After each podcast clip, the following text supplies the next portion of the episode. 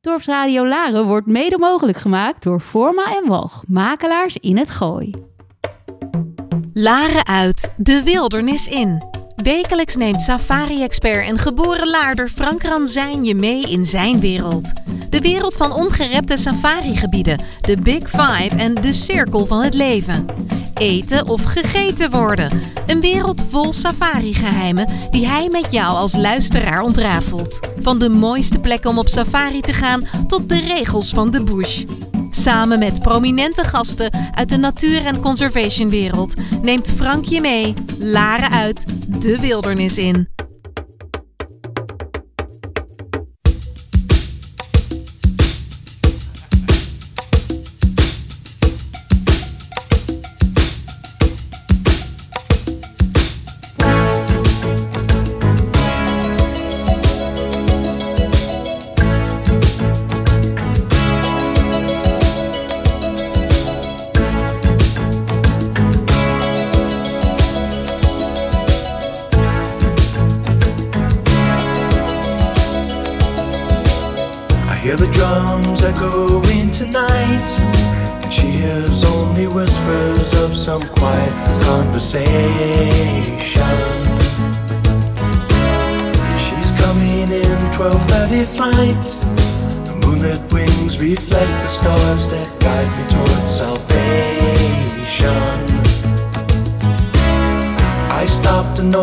Along the way hoping to find some old forgotten words or ancient melodies. He turned to me as if to say, Hurry, boy, it's waiting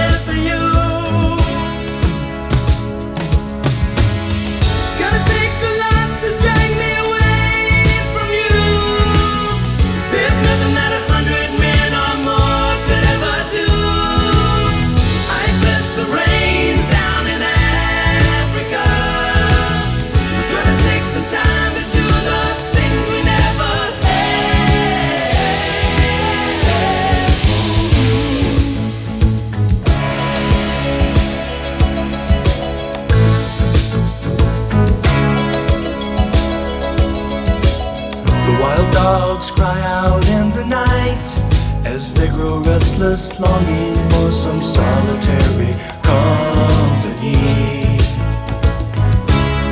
I know that I must do what's right, sure as Kilimanjaro rises like Olympus above the Serengeti. I seek to cure what's deep inside, frightened of this thing that I've become.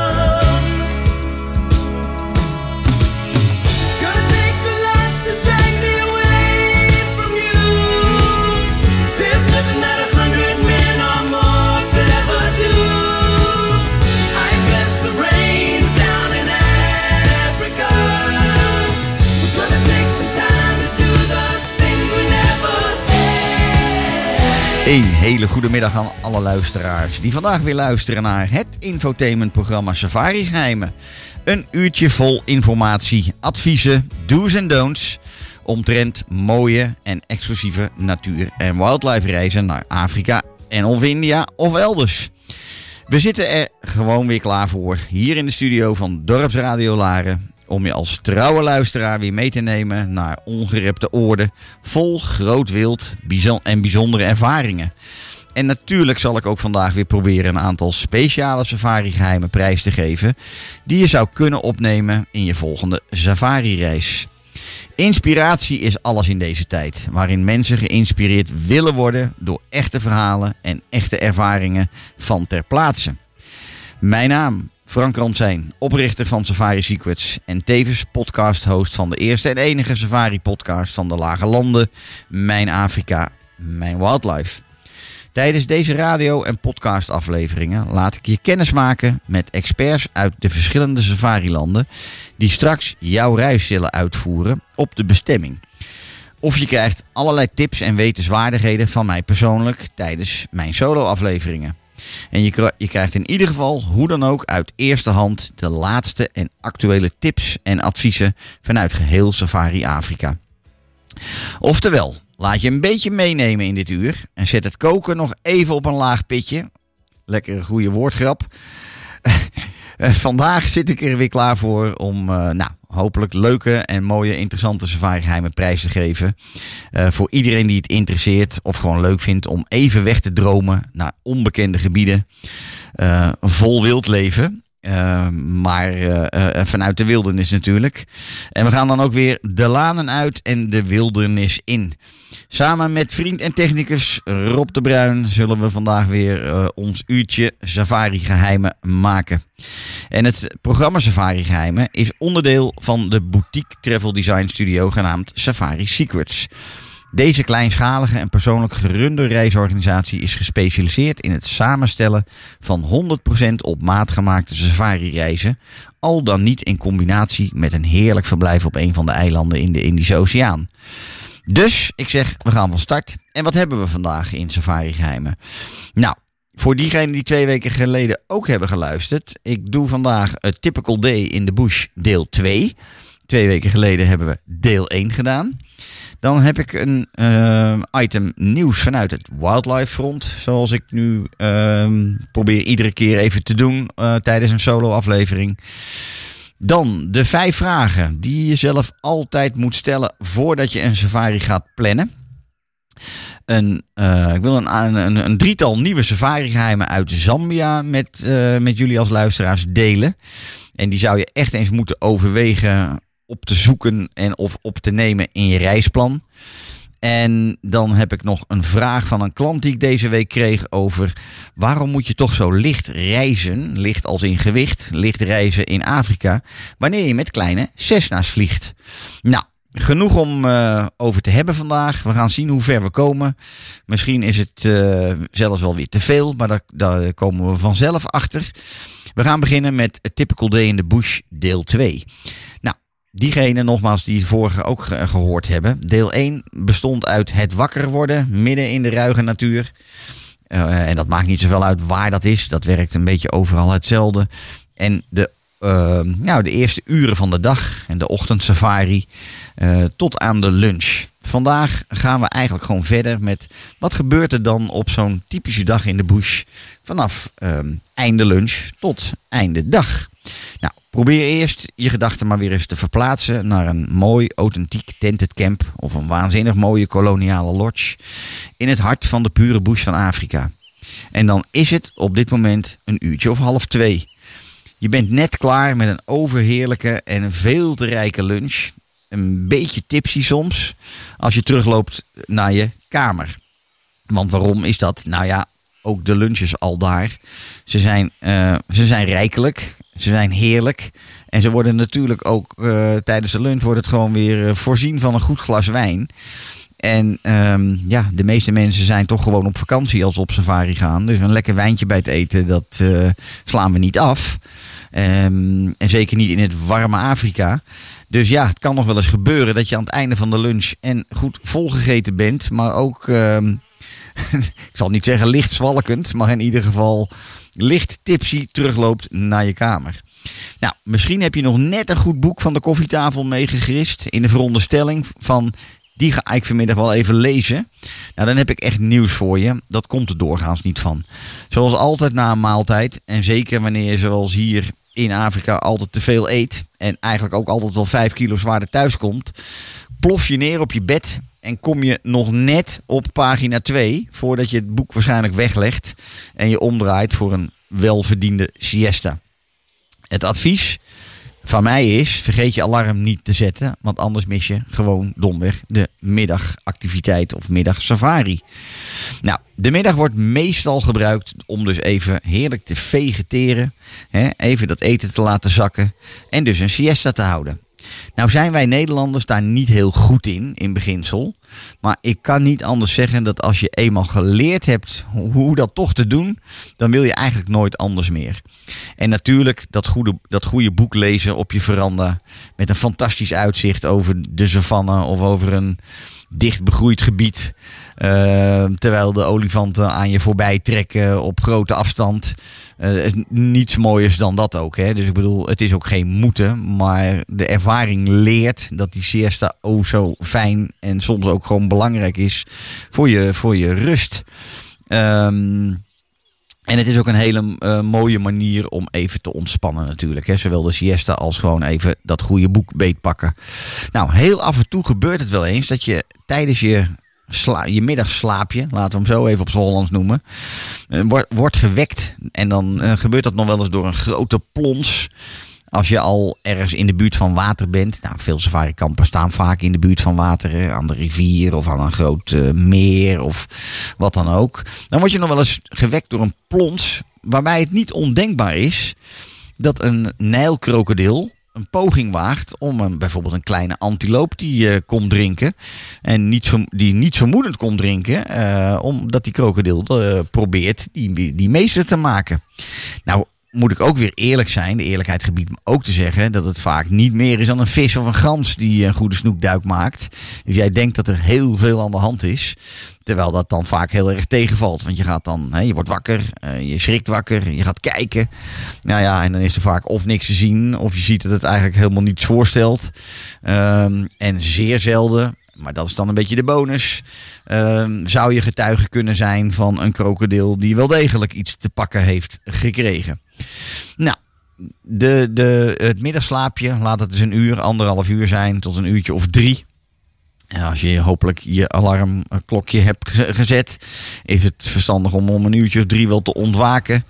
Want alsnog moet je dan toch weer gaan haasten. Alles weer in gereedheid te brengen voor de middag- of avondactie. Wat die avond, middagavondactie ook is. Hè. Dat kan voor velen een tweede game drive zijn. Eh, dus safari tocht per open voertuig. Maar dat kan ook een wandelsafari zijn. Kan een kano safari zijn. Of welke andere activiteit er ook ter plekke wordt aangeboden. Dus bij het wakker worden. Je snel even fatsoeneren. Zorgen dat je de juiste kleding weer aan hebt. Want het is nu nog wel warm om deze tijd. Maar dat gaat natuurlijk veranderen als het donker wordt. Ehm, dan, eh, de de dag-nacht eh, verschillen zijn groot in, in, Afri in Safari Afrika. Je moet al je apparatuur weer op orde brengen. Je tas natuurlijk inpakken. En tas inpakken als in zorgen dat je je camera, je lenzen, batterijen, nou alles wat je nodig hebt voor de komende paar uur in ieder geval weer ehm, eh, in je tas hebt zitten. En hop, je snelt naar de centrale plek van, de, van het safari kamp of van de safari lodge. Want het is high tea. Eh, high tea tijd om half, half vier. Dat zal overal een beetje anders zijn, maar in de buurt van half vier wordt er eigenlijk overal in ieder safarikamp een soort high tea georganiseerd. En ook hier laat je je doorgaans weer lekker gaan met alle lekkernijen die er weer voor je klaarstaan. Hè, je bent nog vol van de lunch, maar je gaat eigenlijk vaak weer vrolijk verder. Ehm, en eh, op zijn Engels, dus eh, met lekkere koekjes, gebakjes, eh, zelfgemaakte taarten, et cetera, et cetera. En natuurlijk koffie en thee. Maar natuurlijk voor diegenen die iets sterkers willen, is dat ook geen probleem. En de eerste gin en tonic met wat ijs, die kan je om deze tijd zeker ook nuttigen. Nou, dit zijn natuurlijk zeer aloude koloniale gewoontes. Engelsen dan Engels kan bijna niet. Maar ook dit zijn kleine feestjes. Iedere high tea op zo'n safari-dag is eigenlijk toch wel weer een klein feestje. Je maakt vaak weer kennis met nieuwe gasten die in de middag gearriveerd zijn. Of je neemt de ochtendsafari door met andere gasten uit een ander voertuig van die ochtend. Ehm, die, of, of degene die op wandelsafari zijn geweest. En uiteindelijk eh, ben je zomaar weer 20 minuten, 30 minuten verder. Voordat de lodge managers toch wel proberen hun gasten weer op te lijnen voor de middagactiviteit. Zodat zij ook weer tijd en ruimte hebben om hun eh, zaken op orde te krijgen voor de avond. Nou, ben je nou voor het eerst op safari, dan zijn die eerste dagen op safari veelal per open voertuig. Het is ronduit gewoon spannend te noemen. En je kunt ook wat meer afstand overbruggen met een, met een voertuig. Uh, en daarmee, doordat je wat meer afstand kunt overbruggen, is de kans op het zien van verschillende diersoorten ook gewoon wat groter dan dat je te voet de bush intrekt. Uh, dus dat is denk ik voor diegenen die voor het eerst op safari zijn. Die maken vaak de eerste dagen veel safari-uren per voertuig. Voordat ze denken van nu wordt het tijd om ook eens een keer met een gewapende gids te voet de bush in te trekken. Nou, dan is het ongeveer een uurtje of vier en het is nog heerlijk warm. Eh, ik vind dit zelf een van de meest plezierige momenten voor, om in een Land Rover te zitten. Heerlijk in je t-shirtje, de wind door je haren en genieten van wat de natuur om je heen je allemaal eh, te bieden heeft. En ik kan je zeggen, zeker wederom voor diegenen die dit voor het eerst doen, je ogen draaien op volle toeren. Want je zou maar diegene zijn die een luipaard in een boom ziet liggen, of een cheetah plat op haar zij in het hoge gras ziet liggen, of iets anders bijzonders. Niets leuker dan loeren en kijken en hopen dat jij degene bent die iets speciaals eh, weet te spotten. De realiteit ook hier is dat dat niet altijd het geval is. Het zal niet voor het eerst zijn dat je een dode boomstronk aanziet voor een geweldige mooie grote kat. En als je dan dichterbij komt, is het, eh, of als je het voertuig laat stoppen en de gids laat kijken, dan zal het niet voor het eerst zijn dat het een boomstronk is. Ehm, hè, dus de realiteit is dat de gids en de spotter, eh, meestal een tweede persoon in het voertuig, ehm, je voor 99 eh, van de 100 keer voor is met het zien van bijzondere dingen. Zij hebben de haviksogen. Het zijn eh ehm, haviksogen van, van deze mannen of vrouwen in dit werk, in het eh, ranger- of gidswerk. Ze zijn echt onverbeterlijk. En zij kunnen aan de hand van silhouetten vaak van honderden meters afstand al zien wat er, ehm, ja, wat er op grote afstand eh, te zien is. Het is een indrukwekkende wetenschap om die mensen aan het werk te zien, die gidsen aan het werk te zien of die spotters. En waar zij dan al lang gezien hebben dat er eh, vijf leeuwinnen ergens in het gras zitten op 500 meter. Heb jij een verrekijker nodig en dan nog kun je ze niet vinden. Ehm, ja, dat maakt het allemaal eh, gewoon heel bijzonder. En het is wel zo, eh, aldoende leert men. Je hebt wat trainingsuren nodig om steeds meer ook silhouetten te gaan herkennen. Ja, en, en ehm, bepaalde dieren te gaan herkennen. Waardoor op een gegeven moment ook jij van grotere afstand dingen zult zien al rijdende, hopelijk eh, met wat mooie wildlife sightings, zoals we dat noemen, in, in die eh, eerste anderhalf uur eh, in de warme zomerzon. We noemen dat uurtje tussen vijf en zes ook wel de golden hour. Ehm, het is het mooiste licht van de dag, vinden veel safari. ehm, of mensen die op safari gaan. Ehm, de zon gaat wat zakken. Het wordt wat minder warm. Eh, er komt zo'n hele mooie goudgele gloed over het landschap. Ehm, en er is niks fijners dan eh, in mijn beleving om in dat eh, uur, anderhalf uur rond te rijden in de ruige natuur. Nou, dan gemiddeld genomen is het een uurtje of half zes, kwart voor zes. Dan wordt er weer even een mooie stop gemaakt om even de benen te strekken. Een goede struik uit te zoeken voor diegenen die naar het toilet moeten. Ehm, en natuurlijk een lekker hapje, een lekker drankje. Er gaat een bubbeltje open. Of in Afrika is het nogal gebruikelijk dat heel veel mensen toch wel een lekkere gin en tonic zullen nemen. Of een Baileys met ijs. Twee van die drankjes die je thuis vaak niet drinkt, maar in Afrika iedere dag drinkt. En het is heerlijk genieten van de ondergaande zon. Vandaar dat dat moment ook de sundowner genoemd wordt in Safari Afrika. Ehm, een heerlijk half uurtje vind ik altijd. Om, omdat het inderdaad, het licht neemt steeds meer af en het gaat best snel in, eh, in Afrika. Eh, de geluiden beginnen te veranderen. De temperatuur zakt. En ehm, nou ja, het is gewoon een heerlijk moment om heel even met elkaar weer eh, de, de, de, de gesprekjes van de dag te voeren. Je leert elkaar vaak wat beter kennen op dat tijd, eh, in, in, in dat half uurtje. En dan gaan we uiteindelijk weer verder. Nou, dan meestal als je verder gaat, is het een uurtje of zes, kwart over zes. Dan is het al donker of wordt het bijna donker. En dan gaat het spotlight aan. Er is in zo'n voertuig altijd een, een spotter aanwezig die het spotlight bedient. Nou is dat niet overal trouwens, maar dat is even de grootste gemene deler. En dan ga je op zoek naar de dieren die s'avonds, s'nachts, in ieder geval bij ondergaande zon en bij duisternis, eh, graag actief worden en eh, actief willen gaan jagen. Omdat zij op dat moment in het voordeel zijn. En dan hebben we het natuurlijk over allerlei verschillende katten, katten. Maar we hebben het natuurlijk ook over hele andere nachtdieren. Van, ehm, nou ja, dieren die je niet vaak ziet trouwens hoor aardvark, pangolins, civets, janets. eh, nou, eh, ontelbare rij aan dieren die gewoon s'avonds en s'nachts heel erg actief zijn. Stekelvarkens. Ehm, maar die zie je overdag niet zo. Dus nou, die worden met het spotlight hopelijk wel gespot. En dat heeft gewoon weer te maken met zo'n eh, spotlight eh, schijnt in de ogen van die dieren. Daar hebben ze bijna allemaal geen last van. De dieren die daar wel last van hebben, daar zullen ze dat ook nooit bij doen. Eh, bij impala's is dat het geval. Je verblindt een impala met een spotlight zo enorm dat die ehm, verstijfd zal blijven staan. Dus die jongens weten dat als geen ander. Die zu- zullen dat niet doen. Maar bijvoorbeeld de grote katten zoals een luipaard. Daar krijg je prachtige groene ogen opgelicht. Waardoor eh, je vaak van grote afstand al kunt zien ehm, wat die spotter eigenlijk gevonden heeft. Ehm, dus dat is vaak een, een, een, een uurtje, anderhalf uur, afhankelijk van wat er gevonden wordt. Temperatuur zakt en zakt en zakt. Kan ook soms best wel gewoon weer zeer fris worden, tot koud aan toe. Waardoor je op dat moment vanuit eh, je sundowner plek eh, 9 van de 10 keer je lange broek alweer aan hebt. Maar nu zeker ook een dikke trui aan hebt en soms een goede jas. Eh, dat gaat heel snel ehm, op een safari dag. En ehm, nou ja, dan ben je in ieder geval nog een uur, anderhalf uur onderweg terug naar de lodge.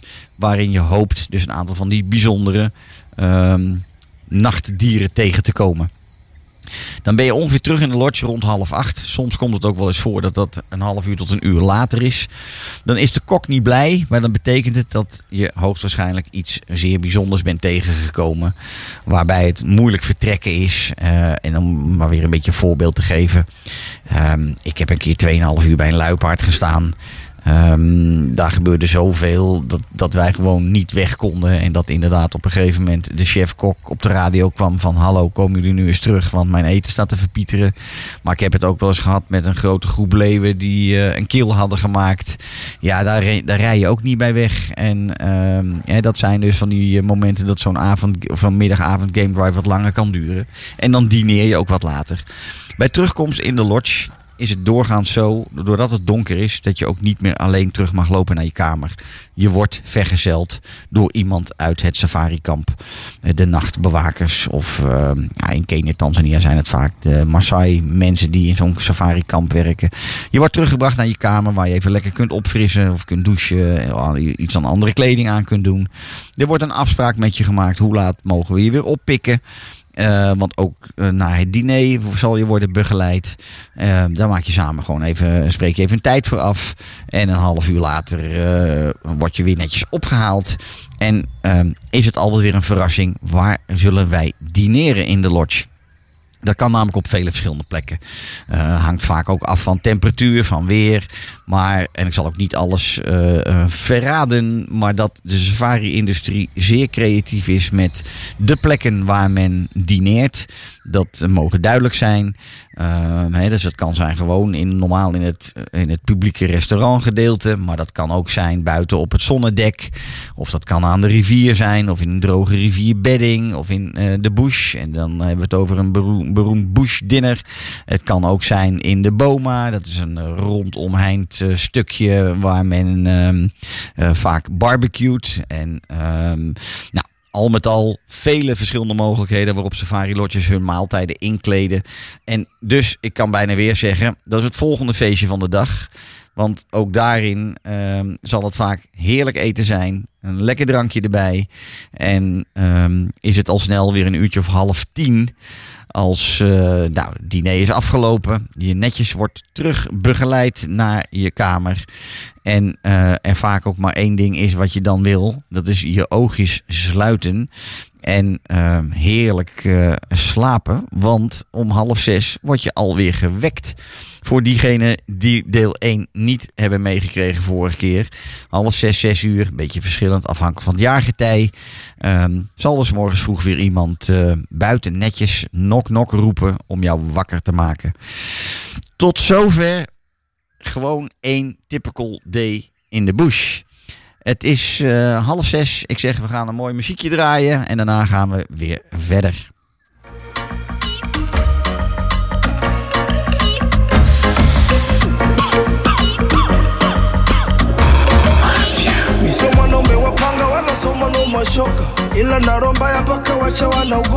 Kwangu mke bora napatikana Kimboka, shawaifanya balaa mpaka shetani anaogopa. Shawa sana panya bila kutumia sumu, shatumiaga beseni kubebea majukumu. Mwenzenu kumpiga bosi kwangu so kazi ngumu. Wa miaka miwili na mfutisha ndumu, yani naogopa kama kelele za mwizi. Ukipanga kuniroga tonoroga chizi kwenye bwawa la mambo binapiga mbizi na nikifesa chipengo na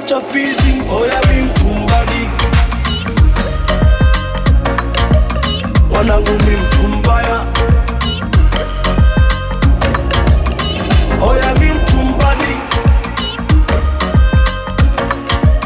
mwanangu mi mtu mbaya. Hata ukienda kwa muganga kutambika jina langu atakujibu nishazikwa wesoma matanga kisha nibuke na wanangu unakula kitakachopikwa njia nilizopita zinaga mfano. Mwenzako nimeshapita ditundu la sindano. Lengo kutimiza ndoto nasoma shindano. Ndo maana nawasha moto na sina mfano. Sina tatizo na walopanga kunikomoa na wasalimu mnosema sitotoboa. Kani ngoma zina hii mpaka zinaboa tena simbi sana na smoke na kukohoa ninyi kio nitazame ujone ukiweza nachofanya hebu fanya tone aiza upe upone sina zihaka tatone. Na ukijifanya unanijua misitaki unione. Sifa za tembo siku zote waga mpole. Ingawa na siri nzito za aristote lokole yani ukimuuzi sana atakupa kidole. Ikichakati huko kwa oya mtoto mimtumbadi yani wauni nishaoza nishachanganyikiwa ukijitusuku nichokoza utachangamkiwa.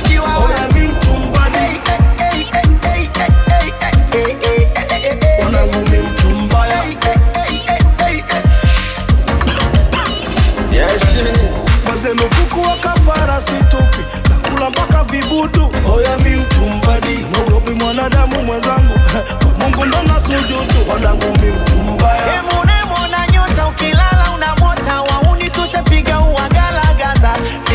siku umemwogota kakona unasota unampiga na picha na unamsambaza fa konde tundamana baresa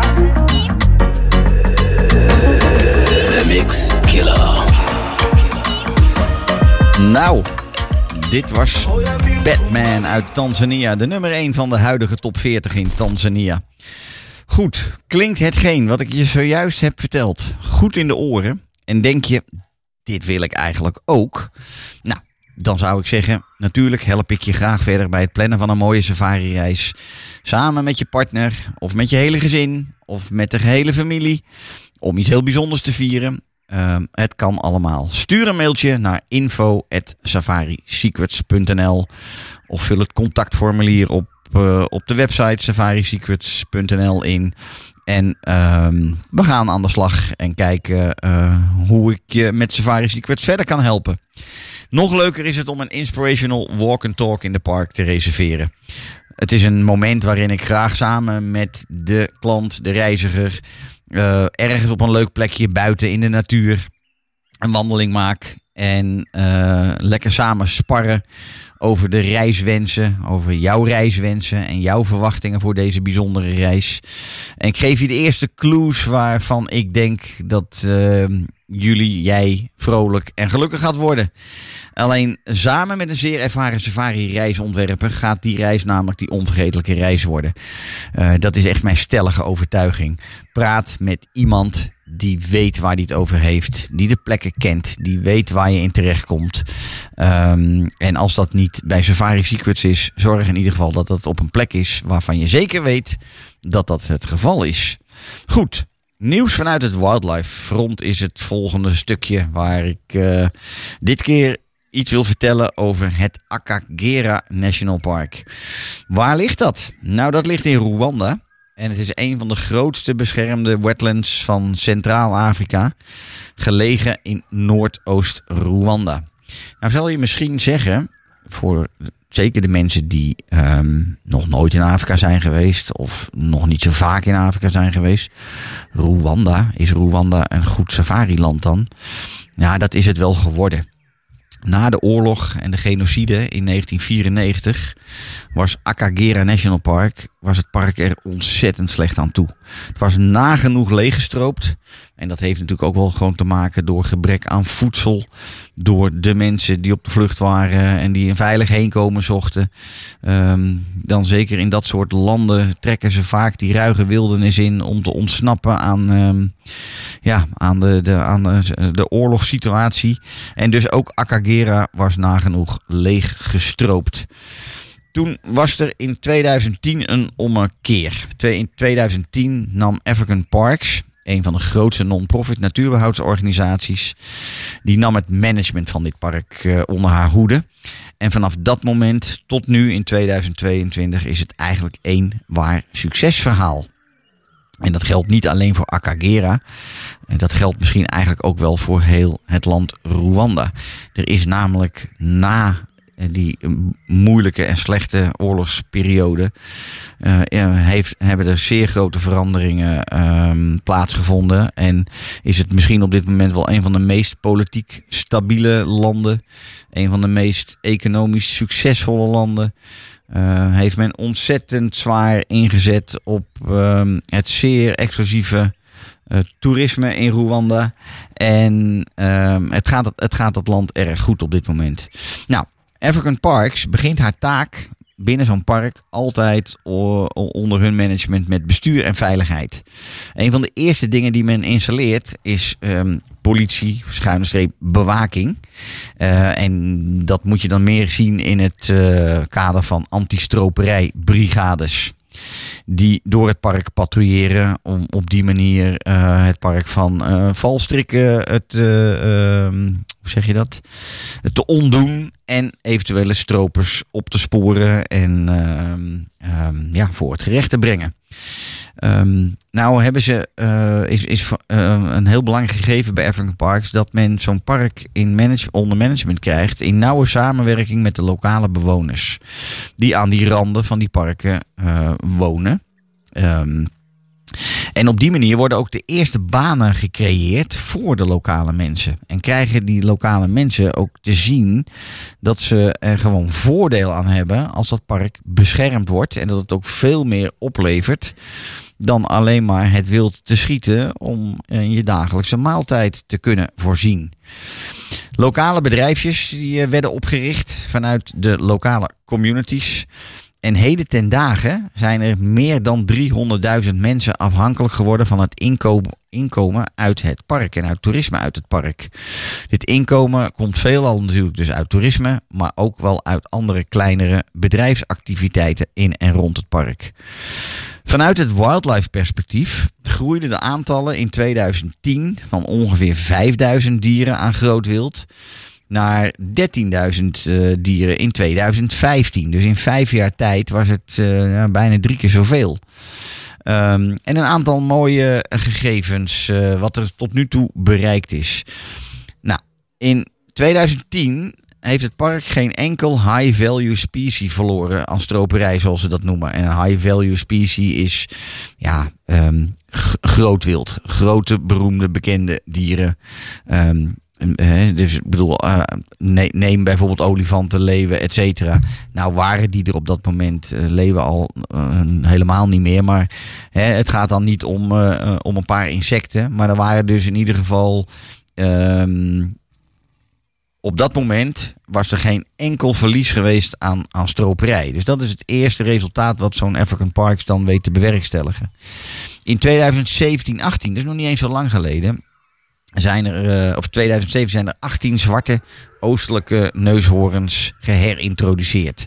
En want ook in de neushoorngroep zitten weer ondersoorten, ehm, vaak geografisch bepaald. En dit ging dan om de oostelijke zwarte neushoorns. Die zijn geherintroduceerd na een lange afwezigheid van 10 jaar. En die, eh, die populatie die, eh, die is inmiddels weer fors verder gegroeid. Ehm, dan werden er in 2015 leeuwen weer geherintroduceerd. Eh, en in 2017 werden daar nog weer eens twee extra mannetjesleeuwen bijgeplaatst. En dat, doet dat doen ze dan om de genetische diversiteit te vergroten. En daardoor is de gehele le- populatie inmiddels verviervoudigd in, in een aantal jaren tijd. Ehm, dan zijn er eh, meer dan 2000 schoolkinderen per jaar die samen met hun leraren en met de lokale leiders uit de verschillende dorpen ehm, in het park geweest ehm, als educa- educatieprogramma.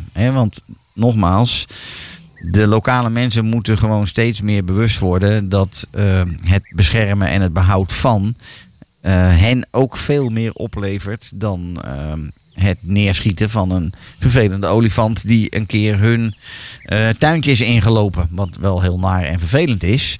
Ehm, maar waar tegenwoordig gelukkig zoveel aan gedaan wordt. Dat eh, ja, compensatieprogramma's, et cetera. Dat ook die lokale bewoners inmiddels wel overtuigd zijn van het feit dat toerisme ontzettend veel eh, voor ze kan doen. Aan het einde van 2019 was Akagera voor 90% zelfvoorzienend. Ehm, en hadden ze ongeveer 50.000 toeristen per jaar, waarvan 50%, hè, dus de helft, uit het lokale toerisme. En ja, dat was ook het moment dat er een eh, wat meer duistere tijd aanbrak, want het was de start van COVID. Maar goed, gelukkig lijkt nu alles dik twee jaar later weer zijn normale beloop te krijgen. Stijgen de toerismecijfers weer gestaag. En is de blik ook gewoon weer gericht op de toekomst van dit ongelooflijk mooie natuurgebied in Rwanda. Dus, denk je naast het zien van de gorilla's, wil je eh, de, de berggorilla's een keer gaan bekijken? Hè, dat kun je in meerdere landen doen, maar daar is Rwanda er natuurlijk ook één van. Maar er is veel meer dan die berggorilla's. Ehm, hè, dus neem, eh, neem dan ook eh, Akagera is eh, ehm, in overweging om in jouw reis te plannen. Want wat er nu gebeurt is dat veel mensen bijvoorbeeld in Tanzania op safari gaan en dan naar Rwanda reizen om, om die berggorilla's te zien. Uh, maar je kunt een prachtige safari-reis maken in Rwanda met drie, verschil, drie vier verschillende parken. uh, waarin de hele Big Five voorbij komt en waarin ook die berggorilla's uh, zijn op, uh, opgenomen. Goed, dat was even het nieuws van het Wildlife Front vanuit Akagera. Dan wilde ik het hebben over de vijf vragen waarvan ik zeg, die zul je, uh, die, die, die, mijn advies is om je die vijf vragen altijd uh, te stellen voordat je aan het plannen van een safari-reis gaat uh, beginnen. Um, ik denk namelijk dat als je dat voor jezelf doet, dat dat heel veel helpt bij het creëren van die fantastische reis die voor jou gaat opleveren wat je hoopt dat het gaat opleveren. Vraag 1 daarin is stel jezelf de vraag: waarom wil je eigenlijk naar Afrika? Of waarom wil je op safari? Wat zijn nou toch precies de beweegredenen daar, daar, daarvoor? Is dat inderdaad soms alleen maar gewoon: ik wil ooit een keer die Big Five zien? Wat um, aardig ter discussie staat tegenwoordig, want er is zoveel meer dan die Big Five. Of wil jij ultiem genieten in de ruige natuur van, uh, van een safariland, of dat dan Afrika is, of India, of Latijns-Amerika? Het feit dat als je op safari gaat, um, is het goed om eerst dus te bedenken: waarom wil ik dat eigenlijk? Wil je dat voor, omdat je uh, een outdoor activiteitenmens bent en wil je heerlijk in die ruige natuur allerlei verschillende actieve mogelijkheden uh, meemaken? Van paardrijsafaris, kano-safaris, wandelsafaris, nou noem het allemaal maar op. Alles wat je wat meer actief ook kunt doen in safarigebieden. Kortweg, wat verwacht je eigenlijk van een safari? Um, vraag 2 is dan ook, naast die verwachting, wat verwacht je van die reis? Waar hoop je op tijdens die reis? Of waar droom je van? Wat wil je heel graag zien? Wat wil je heel graag doen? En weet dit voor jezelf ook te kunnen omschrijven. Want het is het juiste verwachtingsmanagement, wat in mijn beleving cruciaal is. Um, om, om tot een, een succesvolle reis te komen. Um, en het, is ook, uh, het zijn ook die, die uh, redenen waarop je de juiste keuzes kunt maken om dat voor elkaar te krijgen. En nogmaals, dat doe je hoogstwaarschijnlijk en hopelijk met iemand die je daar ook in kan bijstaan en kan helpen. Vraag 3. Hoe wil ik mijn safari ervaren? Wil ik dat doen in uh, relatieve drukte? En heb ik daar geen problemen mee, omdat ik nou eenmaal die grote wilde beestmigratie in de Massamara wil zien? Terwijl je uh, misschien wel gehoord of gezien hebt dat dat soms betekent dat je met 40 voertuigen om een luipaard of cheetah staat. Of wil je dat helemaal niet op die manier ervaren en wil je het op een redelijk tot zeer exclusieve manier meemaken. In een gebied waarvan ehm, iemand je kan vertellen, daar ga je niets en niemand meer tegenkomen. Dat zijn zeker hele belangrijke vragen om jezelf eh, te stellen. En om te weten eh, hoe je reis verder in te delen en te plannen. Dan vraag 4. Wil jij duurzaam reizen en ook een positieve impact achterlaten? Wil je betrokken zijn en bewuster reizen? Ehm, of wil je dat eigenlijk helemaal niet? Want ehm, als je dat wel wil, als je wel duurzaam wilt reizen, wat kan je dan eigenlijk doen eh, om die positieve impact achter te laten? Vraag 5.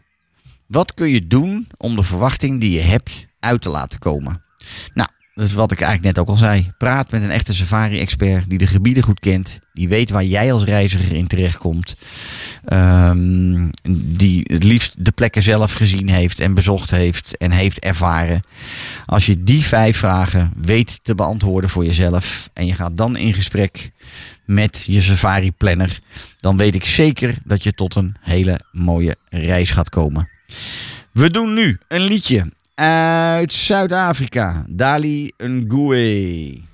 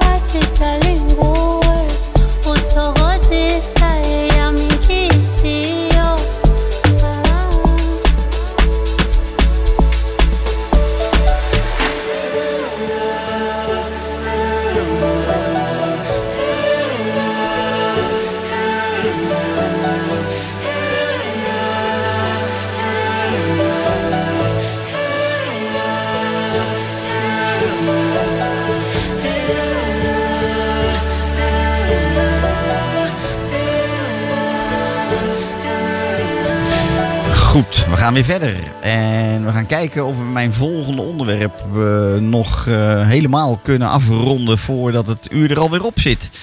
Ehm, ik probeer jullie te laten kennismaken met drie safari-geheimen van Frank in het land Zambia. En het zijn ehm, drie nieuwe safari-geheimen. Ehm, de eerste die ik graag wil noemen is Takwela Camp in Noord-Luangwa. En Takwela is gelegen op een stuk privégrond van Remote Africa Safaris. Kom ik zo op terug. Op slechts 10 kilometer van Tafika. En Tafika ligt dan weer in de noordpunt van het Zuid-Luangwa National Park. Dus in Zambia heb je een heel bekend park, Zuid-Luangwa National Park. Daarboven, want het is in tweeën gesplitst, ligt Noord-Luangwa. Remote Africa Safaris is een safaribedrijf wat, een, eh, wat al heel lang bestaat. Een van de meest eh, gerenommeerde safari-organisatoren in Zambia. Ehm, die hebben in het noorden van Zuid-Luangwa een, een kamp, Tafika genaamd. En tweetal bushcamps. En die hebben eh, sinds COVID, start COVID in 2020, zijn ze begonnen met het bouwen van Taquela Camp. Waarom vind ik dat nou zo leuk om te noemen? Omdat Noord-Luangwa enorm onderbelicht wordt. Iedereen kent Zuid-Luangwa voor diegenen die naar Safari Afrika gaan. Maar Noord-Luangwa is zo onbekend en onbemind. Het is een van de weinige nog zeer authentiek gebouwde bushcamps. Zoals deze nagenoeg alleen maar gebouwd kunnen zijn in Zambia. De kamers zijn gebouwd, ge- gebouwd van hout en van riet. Andere lokale materialen. En eh, ze kennen allemaal een semi-open plan, zoals we dat noemen. Wat eigenlijk gewoon betekent dat je kamer is voorzien van eh, natuurlijke openingen waar de wind doorheen waait. Hè, dus zonder ramen, zonder eh, stenen muren of andere. het is gewoon een semi-open kamer. Ehm, en die wind die zorgt natuurlijk voor verkoeling. En zeker in de hetere maanden in Zambia. Ehm, je badkamer en toilet is een open-air badkamer. eh, voorzien van privacywanden natuurlijk. Maar verder compleet in die open-air. Under the stars, zoals het zo mooi heet. Het heeft maar vier kamers. Dus zes, slechts zes gasten maximaal. En je gaat er nooit meer iemand anders tegenkomen dan de gasten met wie je op dat moment in Taquela verblijft. De luxe die bestaat hier uit locatie. Dus niet uit materiële luxe, maar het is de locatie. En het is het, de, de luxe van Afrika voor jezelf hebben. Dit naast natuurlijk die top guiding, waar Zambia ook zo bekend om is. En zoals je ook mag verwachten in Zambia. De eigenaren John Coppinger en zijn vrouw Carol. Dat betekent dus ook dat het een private-owned, private managed, hè, door de eigenaren zelf gerund safari-kamp is. Wat, wat echt een groot verschil is met wat wij altijd noemen in de zware industrie de corporate organisaties. Waar mensen gewoon in dienst zijn van een bedrijf en een kamp manager. kan- Kamp. Nou, John Coppinger is echt een karakter. En hij is in de Luangwa-vallei al sinds de 60 jaren. Ehm, en samen met Robin Pope en Norman Carr en Phil Berry zijn zij de grondleggers van de fotografie-safaris in Zambia en de pioniers op het gebied van wandelsafaris.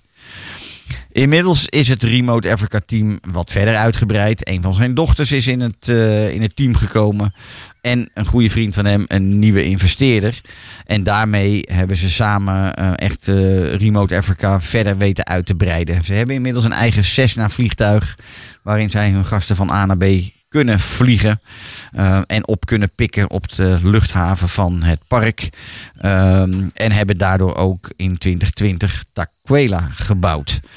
Ehm, nou, de focus in Taquela, in Noord-Luangwa, het veel minder bekende deel dus van Luangwa, ehm, is eigenlijk naast safaris in open Land Rovers natuurlijk ook gewoon ehm, de wandelsafari. Dat is het specialisme van John Coppinger. En de door hem opgeleide Zambiaanse gidsen, want hij is niet alleen. Nou, wil je nu echt iets ruigs en de meest pure safari-beleving, dan zeg ik, dan moet je zo'n kamp opnemen in je safari-plan. En natuurlijk is een verblijf in Taquela ook te combineren met een van de andere kampen van Remote Africa Safaris. En die ehm, eh, liggen deels in Zuid-Luangwa en eh, hij heeft nog een ander kamp in Noord-Luangwa. Daarnaast eh, runt Remote Africa Safaris tegenwoordig ook het Shoebill Island Camp, gelegen in het ongerepte en nog haast onbekende Banguelu moeras. Daar wil ik later wel eens op terugkomen, want Banguelu is nog veel minder bekend. Maar eh, is echt een heel bijzonder gebied. Vooral voor de echte vogelliefhebbers. En voor mensen die van moerassen houden. Dan nummer twee is Zungani Lodge. En Zungani Lodge is gelegen in Zuid-Luangwa. Dus het veel bekendere Zuid-Lua- Zuid-Luangwa. Wordt, eh, is, net pas gebouwd, net pas open. Is van de Davy family, vader en zoon. En Sungani Lodge is een spiksplinter nieuwe en een ultra luxe lodge. Gebouwd op de ruïnes van een aloude lodge van Wilderness Safaris van vroeger. Eh, gelegen diep in het zuiden van het park. Op ongeveer 20 minuten vliegen van Umfui. En Umfui is eigenlijk het Schiphol van Zuid-Luangwa. Je bent daar ver weg van andere toeristenlodges. En ook hiermee weer één van de meest afgelegen safarikampen in Zuid-Luangwa. Acht luxe, zeer luxe kamers, prachtig gedecoreerd en zeker geschikt voor de wat meer verwende reiziger die ook gesteld is op luxe en comfort. Het voordeel is dat er in dit gebied van het park geen andere voertuigen en toeristen zijn. Een, het centrale deel van Zuid-Luangwa is inmiddels voor de echte safari-liefhebber best al een beetje druk geworden. Ehm, maar het nadeel is dat het wildgebied, het zal nog tot rust moeten komen. Ehm, het wild is namelijk nog helemaal niet gewend aan menselijke activiteit. En de verwachting is dan ook dat het nu nog wat minder wildrijk zal zijn. Ehm, en dat het wild erg schichtig zal zijn. Dat, krijgt, dat, dat, dat komt tot rust door middel van steeds meer menselijke activiteit en voertuigen die er rondrijden met safari-gasten.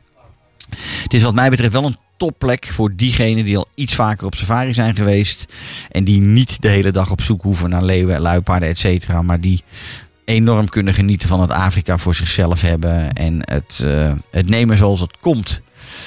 Ehm, dan heeft eh Zungani een kleiner kampje. Dat heet ehm, Kulandila Camp. Ehm, ook best wel heel luxe eigenlijk hoor, maar ietsje minder luxe. En dat is weer een goede keuze voor diegenen die het weer wat eh, kleinschaliger eh, leuk vinden. Want dat heeft maar vier kamers, dus acht gasten maximaal. Eh, en dit is absoluut dan weer een aanrader voor bijvoorbeeld twee gezinnen met kinderen. Of twee vrienden, vriendengezinnen. Of een hele familie met acht personen totaal. Nou, ik denk dat ik het nog net red om mijn nummer drie mijn derde safari geheim in Zambia op dit moment eh, ook nog heel even eh, te benoemen. Die heet Lolobesi Lodge en dat is gelegen in de Lower Zambezi National Park. Het is ehm, een van de meest nieuwe kampen van African Bush Camps. En African Bush Camps is een zeer bekende safari-organisatie in Zimbabwe, Botswana en nu ook in Zambia. Ook dit is een ultra luxury lodge. Contemporary style met zes kamers, waarvan twee familieunits. Uh, en de lodge is dus onderdeel van het steeds groter groeiende African Bush Camp van oprichter Bex Ndlovu.